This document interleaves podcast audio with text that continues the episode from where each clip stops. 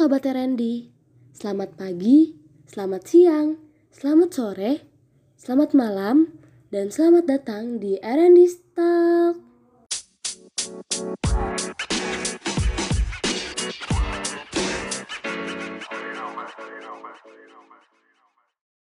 Halo, apa kabar? Bagaimana kabar Sobat R&D?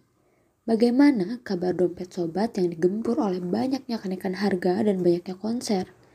Semoga keadaannya tetap aman.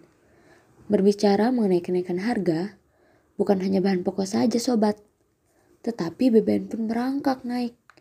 Pada 3 September 2022, pemerintah menaikkan harga BBM Pertamina dengan rincian harga Pertalite menjadi 10.000 per liter, Pertamax menjadi 14.500 per liter, dan solar naik menjadi 6.800 per liter untuk di Pulau Jawa dan harga lainnya tergantung wilayah masing-masing.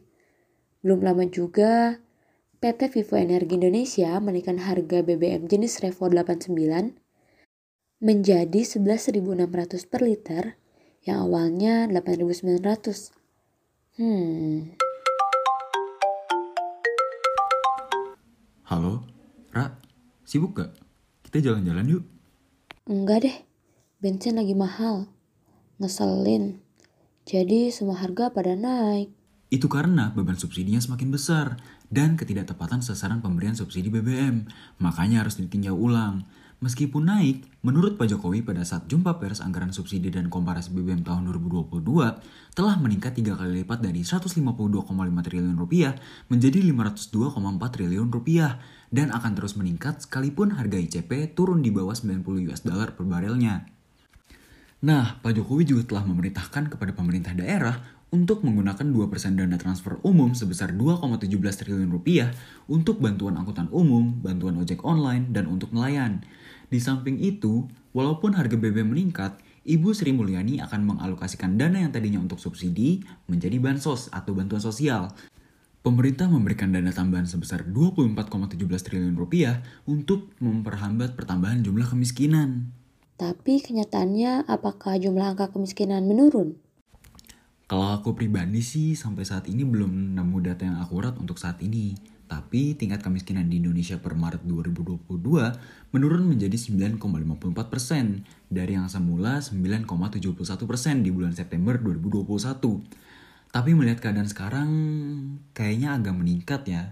Soalnya di minggu keempat ini dampak langsung dari kenaikan BBM itu diperkirakan menyebabkan inflasi 1,1% dibandingkan sama bulan sebelumnya.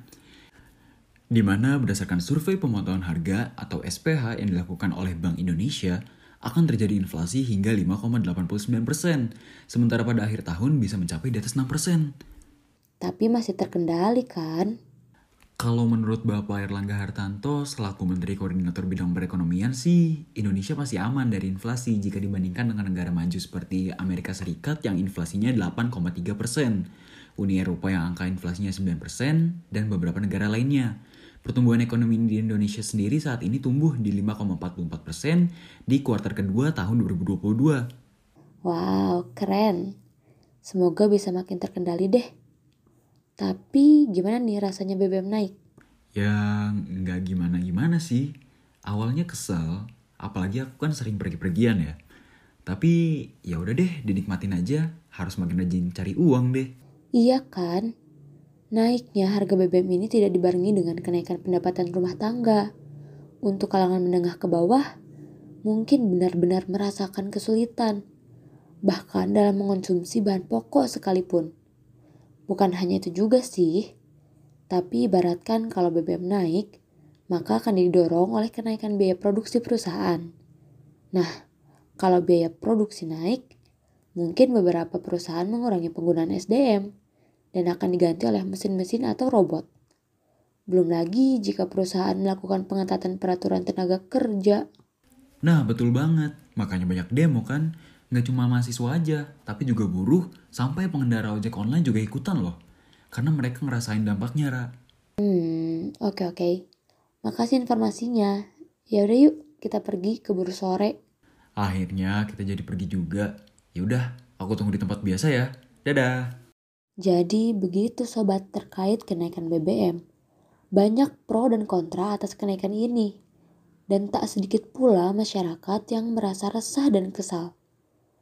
Aku ingin berbagi tips dalam menyikapi kenaikan harga BBM ini. Bila sobat seperti aku yang tidak bisa mengendarai kendaraan bermotor ataupun mobil, naiklah angkutan umum. Dan supir pun mengusahakan untuk memaksimalkan kuota penumpang. Atau bisa juga dengan jalan kaki atau menaiki sepeda.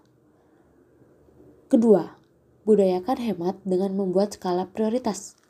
Lebih sering beraktivitas di dalam rumah, jadi kalau keluar memang yang urgent banget. Jangan sampai hal ini memicu kenaikan defisit anggaran atau akan memicu kesinambungan fiskal. Kalau begitu, aku akan bersiap dahulu untuk dibawa pergi nanti. Dadah!